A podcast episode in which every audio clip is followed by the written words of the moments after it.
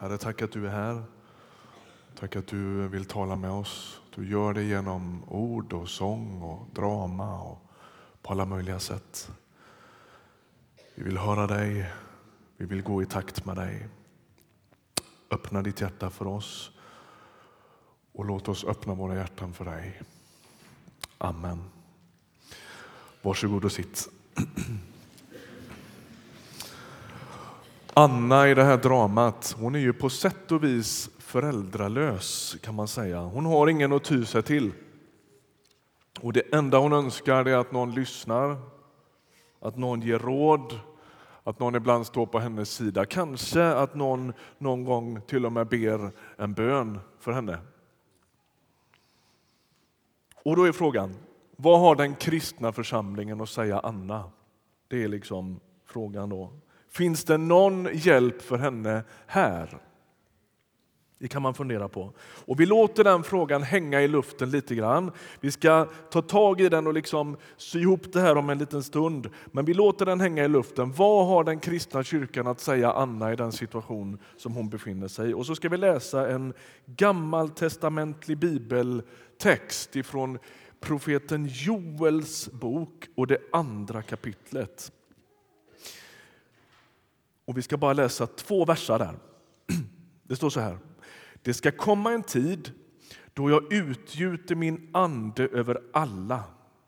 Era söner och döttrar ska profetera, era gamla män ska ha drömmar, era unga män se syner. Också över slavar och slavinnor ska jag då utgjuta min ande.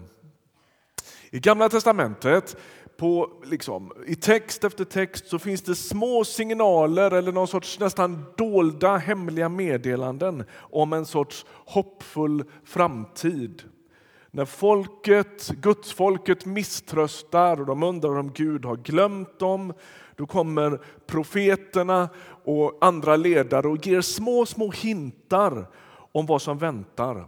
Och De där hintarna de går ut på ungefär en dag så ska världen se Guds frälsning som aldrig förr.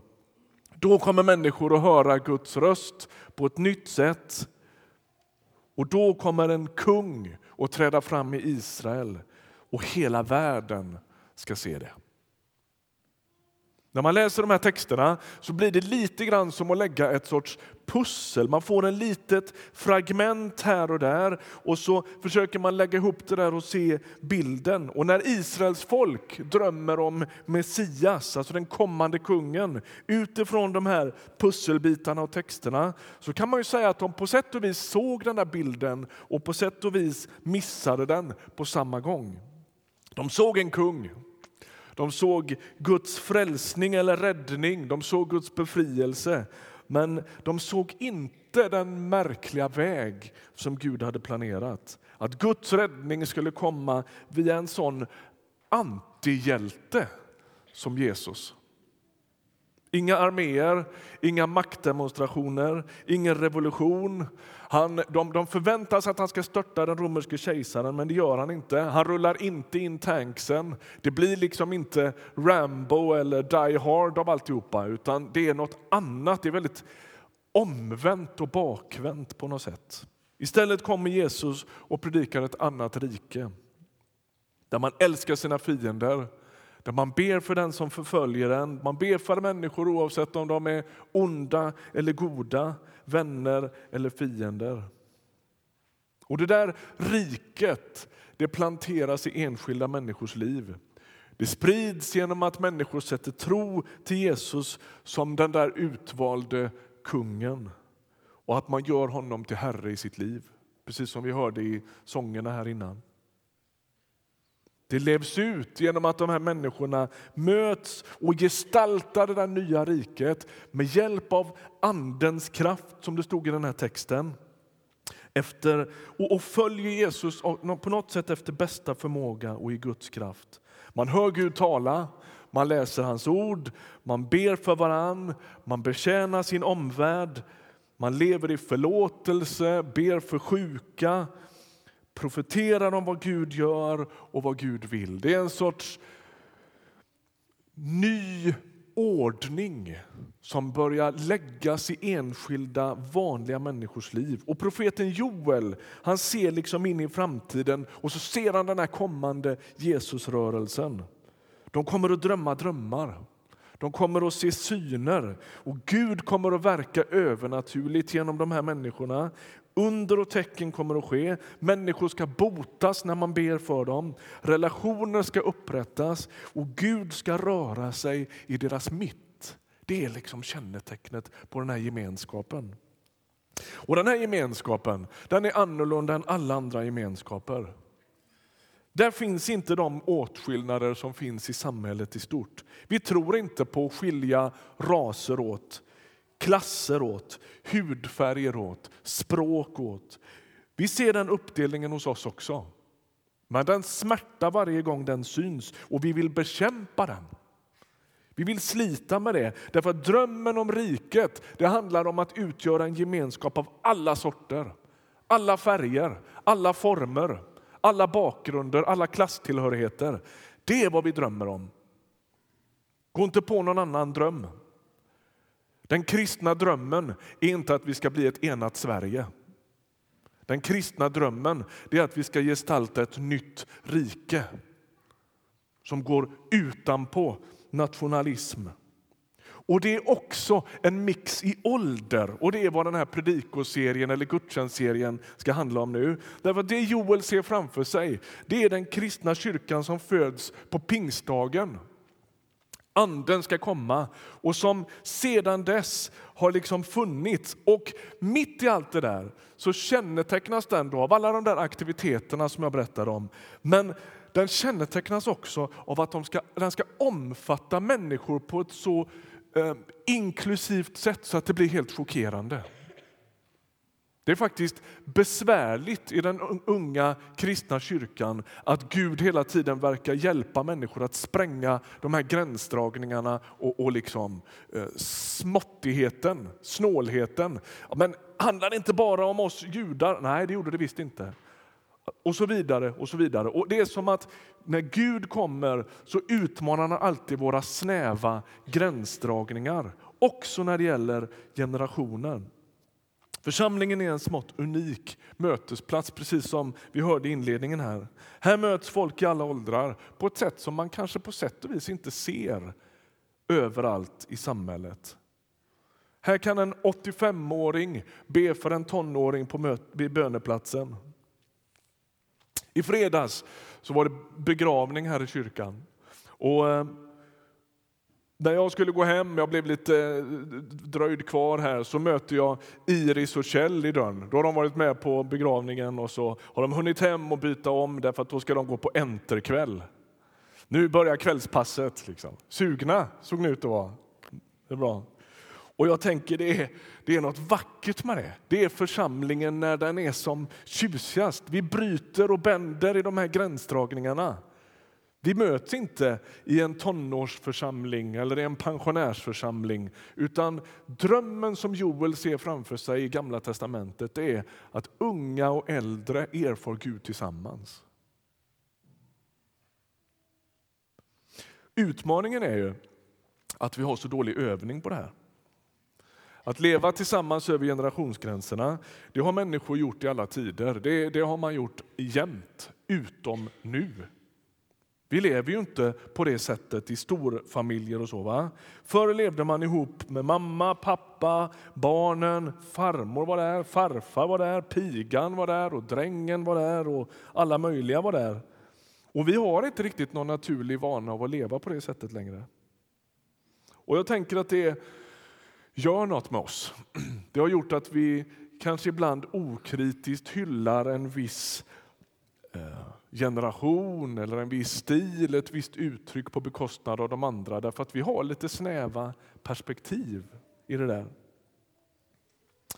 För tio år sedan så på företaget Ericsson så erbjöd man ett avgångsvederlag till människor för att man ville föryngra personalen. Och det gjorde man inte till de som hade fyllt 60 och inte heller till de som hade fyllt 55. Utan man gjorde det till människor som hade jobbat minst sex år i företaget och som hade fyllt 35. 35. Och jag tänker att det där säger någonting om vår tid. Gör det inte det? Om, nu vet vi att det, det är säkert alldeles särskilda utmaningar i en teknikinnovativ miljö. Liksom. Jag, jag, fattar det. jag fattar det. Men ändå, vad gör det med vår tid att man tänker att ah, men det är nog bäst att vi föryngrar för folk börjar ramla över 35-strecket? Vad gör det med oss? Liksom? En del ser lite bleka ut här nere nu. Alltså när vi säger att kyrkan är unik i att mixa åldrar så måste vi samtidigt vara självkritiska, tänker jag. Och lite nyktra i det. Eh, vi har i olika tider kört i alla tänkbara diken som finns. Ibland har församlingen präglats endast av äldre. Och om eh, unga människor ska få vara med så måste det ske på de äldres villkor. Och jag tänker att det har begränsat församlingen jättemycket och kanske stängt ute en del också. Ibland hör jag äldre vänner tala om mig som ah, det är så roligt när du är med, det är så kul när de unga är med. Och så tänker jag, jag är, 40, jag är på mitt 47 år och är en grånad morfar. Jag hör inte till de unga i den här församlingen. Är ni med? Så vi måste hjälpa varandra med de perspektiven. Det är de här, det är Sara och Jonathan som är unga, som var med och ledde gudstjänst här idag. Så. Mer av det, tänker jag. Och så finns ju risken att man kör i andra diket och gör som Eriksson. Alla över 35 ska sitta still i båten. Ibland kan man höra människor i församlingen säga så här. Ah, men du vet, nu har jag gett mitt bidrag. Jag har kört rätt så rejält och nu får andra ta över. Och jag förstår vad man menar. Och allt har sin tid. Och det måste vara okej okay. och liksom steppa tillbaka lite och pusta ut. Jag förstår det. Men jag tänker att det finns något lurigt med det också. Vi behöver ditt bidrag. Oavsett om du är 15, 55 eller 85. Samhället i stort tycker jag lider av ålderssegregering och kanske till och med ålders ska man kalla det? Åldersrasism. Det är luriga ord att använda, jag vet det. Men du förstår vad jag menar. Alltså att vi liksom trycker ut men och säger de, de, de, det duger inte, det räcker inte, man har ingenting att bidra med. Och, och den, profet, den bibliska visionen den är att församlingen ska vara en motkultur mot det. Vi ska vara något annat, vi gör inte så. Det finns en risk i den där ålderssegregeringen att ungdomar slarvas bort eller att rik historia och goda erfarenheter slarvas bort därför att vi liksom inte räknar med varann. När vi hade vår församlingshelg och pratade om uttåget ur Egypten, en del av er var med på det, då ställde vi frågan vad skulle hänt om Mose hade skrivit sina memoarer när han var 70? Fundera lite på det. Han skulle beskrivit en märklig livsresa med korgen, va? Nilen, Guds hand över honom som gör att han inte dör som spädbarn. Uppväxten i faraos hov, katastrofen när han slår ihjäl en egyptier, flykten ut i öknen och sen skulle det andra halvan av den här boken bara vara får, svärföräldrar och öken. Ni hör ju själva. Misslyckat, förfuskat, liksom. meningslöst. Jag hade läget och jag bara slarvade bort det. Och så skriver Moses sina memoarer vid 70 års ålder och så blev det liksom inget mer än öken och svärmor av alltihop. Moses största äventyr börjar när han är 80. Jag tänker att det är viktigt att påminna sig om det. Eller hur? Bara i förbifarten vill jag säga, den 17 februari kommer vi att börja en kurs här i kyrkan som heter Halvtid. Den kommer att handla om vad du gör med andra halvlek i livet. Eh, vi informerar inte mer om det nu än att jag säger prata med Lennart Hambre som sitter här nere som kommer att leda den kursen och håll utkik efter information på tavlor och affischer och så. Den handlar just precis om det.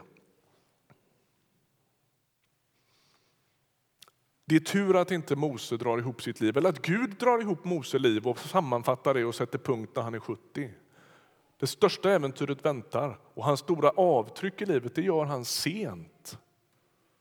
På något sätt.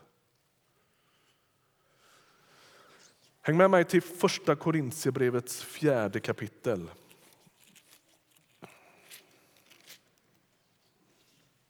Jag säger som jag brukar, ta med en bibel. En vacker dag så kommer vi inte att ha dem här på väggen. Ta med en bibel för säkerhets skull, man vet aldrig.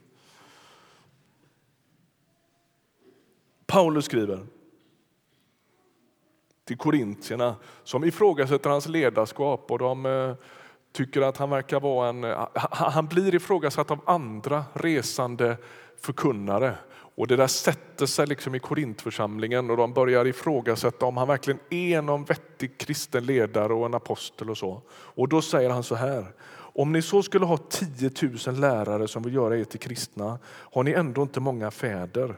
Det var jag som blev er far i Kristus Jesus genom evangeliet. Jag ber er, ta mig till föredöme. Bibelns idealbild av en kristen ledare är inte en direktör eller en arbetsledare, utan är en förälder. Vi är inte i första hand ute efter att liksom skapa ett ordning och reda i ett system. Utan det Bibeln beskriver det är att den kristna församlingen har mer likheter med en familj. Fäder och mödrar. Och jag tänker att för varje generation så måste nästa generation vara den viktigaste eftersom Gud har kallat oss till ett sorts andligt föräldraskap. Jag vill att du hör vad jag säger nu. Tänk om alla här inne skulle tänka att de viktigaste är de som är lite yngre än vad jag är, eller mycket yngre än vad jag är. Vad skulle hända då? Ja, tänker någon snabbt då. Vi som är allra äldst, vem ska tänka på oss? Ja, men det har ju lite med föräldraskap att göra. Ju mer förälder man blir, desto mindre tänker man på sig själv. Eller hur?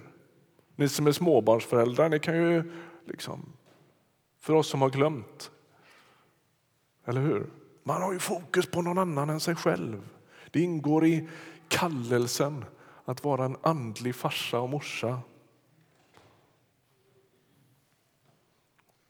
Föräldraskap handlar om kraft att föda. Att föda något gott i andra människors liv. Det handlar om visdom att fostra.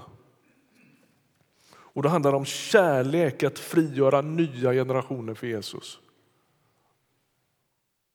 Att hela tiden släppa fram andra, pusha andra, hjälpa andra, be för andra. Jag tänker att så tänker och fungerar andliga fäder och mödrar. Förra söndagen ni som var här ni såg att det delades ut biblar till fyraåringar. Det stod 22 stycken fantastiska små fyraåringar här. Efteråt ordnades det en liten samling för dem och deras föräldrar inne i ett rum här ute. Special guest då var Liam som inte är fyra utan fem. Han var med förra året och fick en bibel. Är ni med? Och så kommer Liam in och så får han låna micken en stund och så får han berätta om vilka som är hans favoritberättelser i Bibeln. Och han berättar om Simson och han berättar om lejongropar och grejer och han låter som ett lejon i micken. Så här. Och fyraåringarna bara så här. Och jag tänker det är en så vacker bild.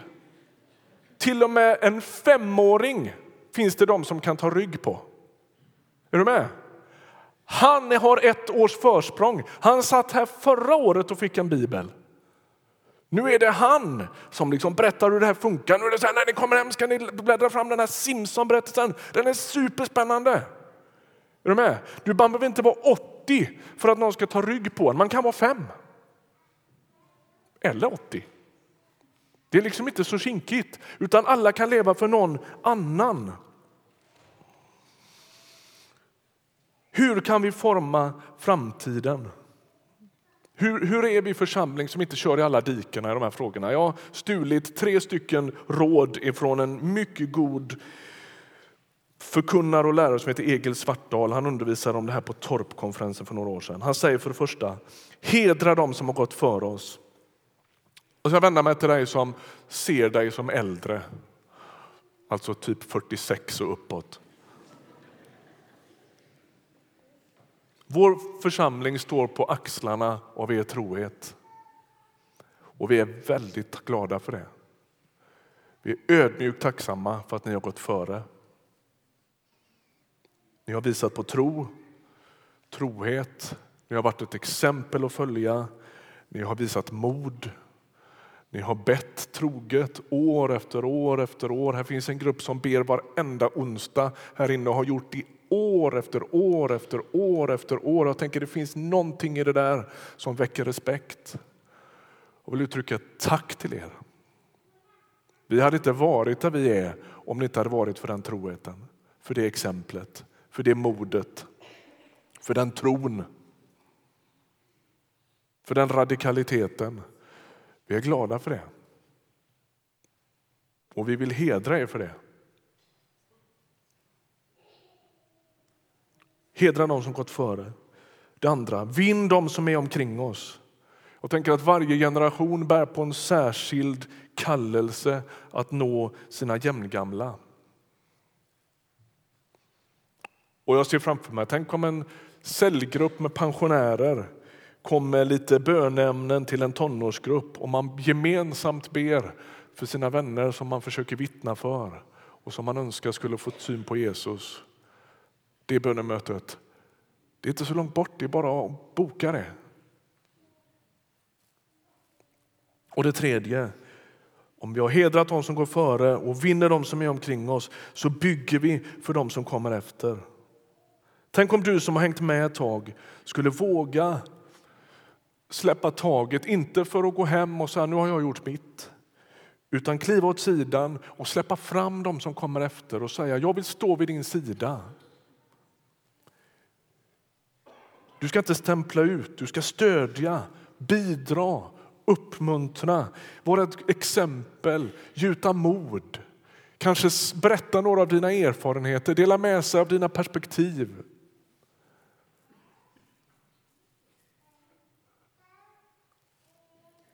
Vad skulle hända då? Jag vet att det händer, men tänk om det skulle få liksom ta fart ännu mer.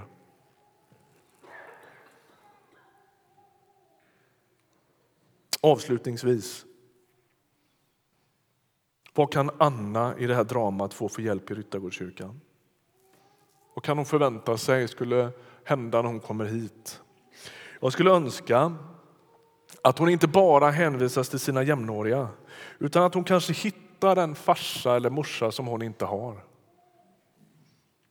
Det skulle ju kunna vara så att det sitter någon potentiell farsa eller morsa som hittar en dotter som man inte har. Eller hur? Det kan ju bli win-win på det. Eller ett barnbarn som man aldrig fick.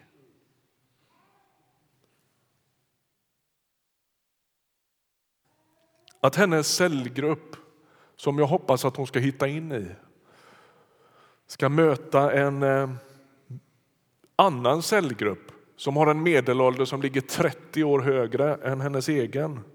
Där hon får rådfråga, be eller kanske bara sitta i en soffa och fika lite. Och så småningom hoppas jag att Anna också vågar dela en del av sina både goda och ganska sura erfarenheter med någon som är yngre än henne själv. Och att hon i Ryttargårdskyrkans gemenskap skulle kunna märka att hennes liv inte är förfelat. Att det inte är bortfuskat. Att Gud är andra chansens Gud och han tar hennes djupa sorg, hennes besvikelser och så gör han något vackert av det som får betyda något för unga människor. Den bibliska visionen om församlingen den har med alla åldrar att göra. Så är det. Den handlar om att Gud ska verka med sin närvaro. Och det utmanar alla tänkbara gränsdragningar. De sociala, de etniska, de åldersmässiga och allt du kan tänka dig. Det kommer gudstjänsterna de närmaste veckorna framåt att handla om. Därför att vi vill ta den fighten. Vi skulle kunna göra det enklare för oss att nischa och bestämma efter kör vi på det här spåret, men vi vill krångla till det och vara en kyrka för alla åldrar. Det är lite bökigare, det kräver lite mer liksom, generositet, överseende, kommunikation, hjälpa varandra och se den stora bilden. Men den fighten vill vi ta, för vi tror på det. Och vi vill ge oss åt den drömmen. Amen. Ska vi be? Fader, tack för att du är så god och så generös att du bekänner dig till den här bristfälliga gemenskapen, till våra högst bristfälliga liv. Du som är helig och upphöjd och fantastisk. Tack att du rör dig i våran mitt och i vår gemenskap. Vi vill be dig om hjälp. Alla hajar att det här är en tuff utmaning och därför vänder vi oss till dig. Vi ber om hjälp att leva för någon annan. Vi ber att vi skulle dra så mycket näring vi bara kan ur det faktum att vi representerar 0 till 100 år i den här kyrkan. Tack att du hör oss när vi ber och tack att du bekänner dig till oss med din egen närvaro. Jag vill be för alla barn som är på löfteslandet idag. Kom och var med dem. Låt dem få syn på dig på ett sätt som de kan förstå. Jag ber för alla tonåringar som drog igång Enter i fredags. Var med dem Jesus. Deras alldeles särskilda utmaningar med skolvärlden och allt det här. Var där Jesus. Mer av dig i deras liv. Jag ska med alla studenter som finns i vår kyrka. Tack att du kommer till dem Be för skolgrupperna, be för vittnesbördet om dig. Tack att du är med alla i 30, 40, 50 års åldern som befinner sig i den fasen. Be för alla som ska få ihop sin tillvaro, sin stress, sitt race. Liksom. Var där och ta plats i deras liv. Be för den som börjar gå in i andra halvlek och tänker, har jag gett mitt bästa krut nu? Har jag upplevt mina vackraste saker? Be att du ska överraska, be att du ska kalla på nytt. Och be för den som är i farfar och farmor-generationen. Ber om din närvaro. Fortsätt att använda dem för dina höga syftens skull. Lyssna till deras böner Använd deras vittnesbörd. Låt dem få leva för andra. Herre, vi ber kom och var med oss. Möt oss med din egen närvaro. Tack att du hör oss när vi ber. Amen. Amen.